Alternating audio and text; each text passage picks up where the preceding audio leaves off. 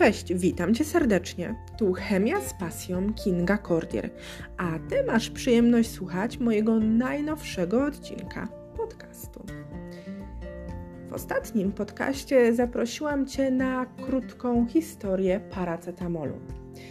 Dziś przyszła kolej na ibuprofen, drugi lek z tych popularnych przeciwbólowych. Ból głowy, gorączka dla wielu jest to konieczność zażycia ibuprofenu.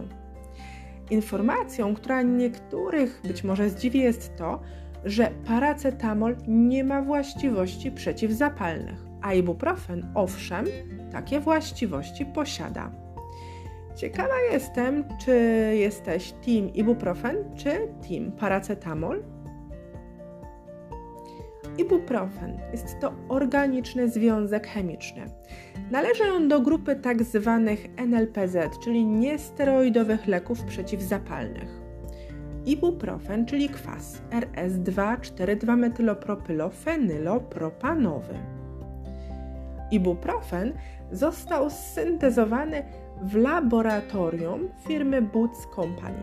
Jest to brytyjski producent leków i wprowadzony do lecznictwa w lutym 1969 roku. Proces syntezy ibuprofenu opracowany przez Boots Company składał się z sześciu etapów. Wyjściowym związkiem był izobutylobenzen.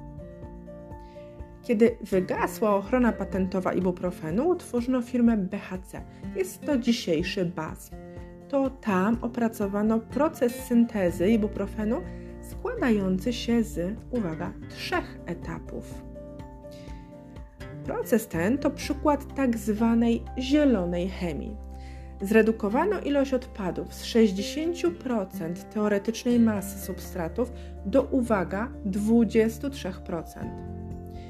W roku 1997 proces ten nagrodzono wyróżnieniem Greener Synthetic Pathways Award. A kto konkretnie stoi za odkryciem ibuprofenu? Stuart Adams i John Nicholson. Próbowali oni stworzyć lek, który miał być bezpieczniejszy od aspiryny i dodatkowo z mniejszą liczbą skutków ubocznych. Nicholson przetestował ponad 200 związków pochodzących z salicylanów. Próby te nakierowały go na pochodne kwasów propionowych i tak oto udało się syntezować ibuprofen, który to w 1961 roku opatentował wraz z Adamsem. Ibuprofen zawiera chiralny atom węgla w pozycji alfa łańcucha propionowego i występuje w postaci dwóch izomerów. Stwierdzono, że formą aktywną zarówno in vitro, jak i in vivo jest S plus ibuprofen. Tak więc mogłoby się wydawać, że korzystne będzie stosowanie tylko aktywnego izomeru. Ale w organizmie człowieka występuje enzym, który to przekształca w 50 do 65% enancjomer R do aktywnej formy S. W 2019 roku w Polsce wprowadzono nową, dożylną postać ibuprofenu.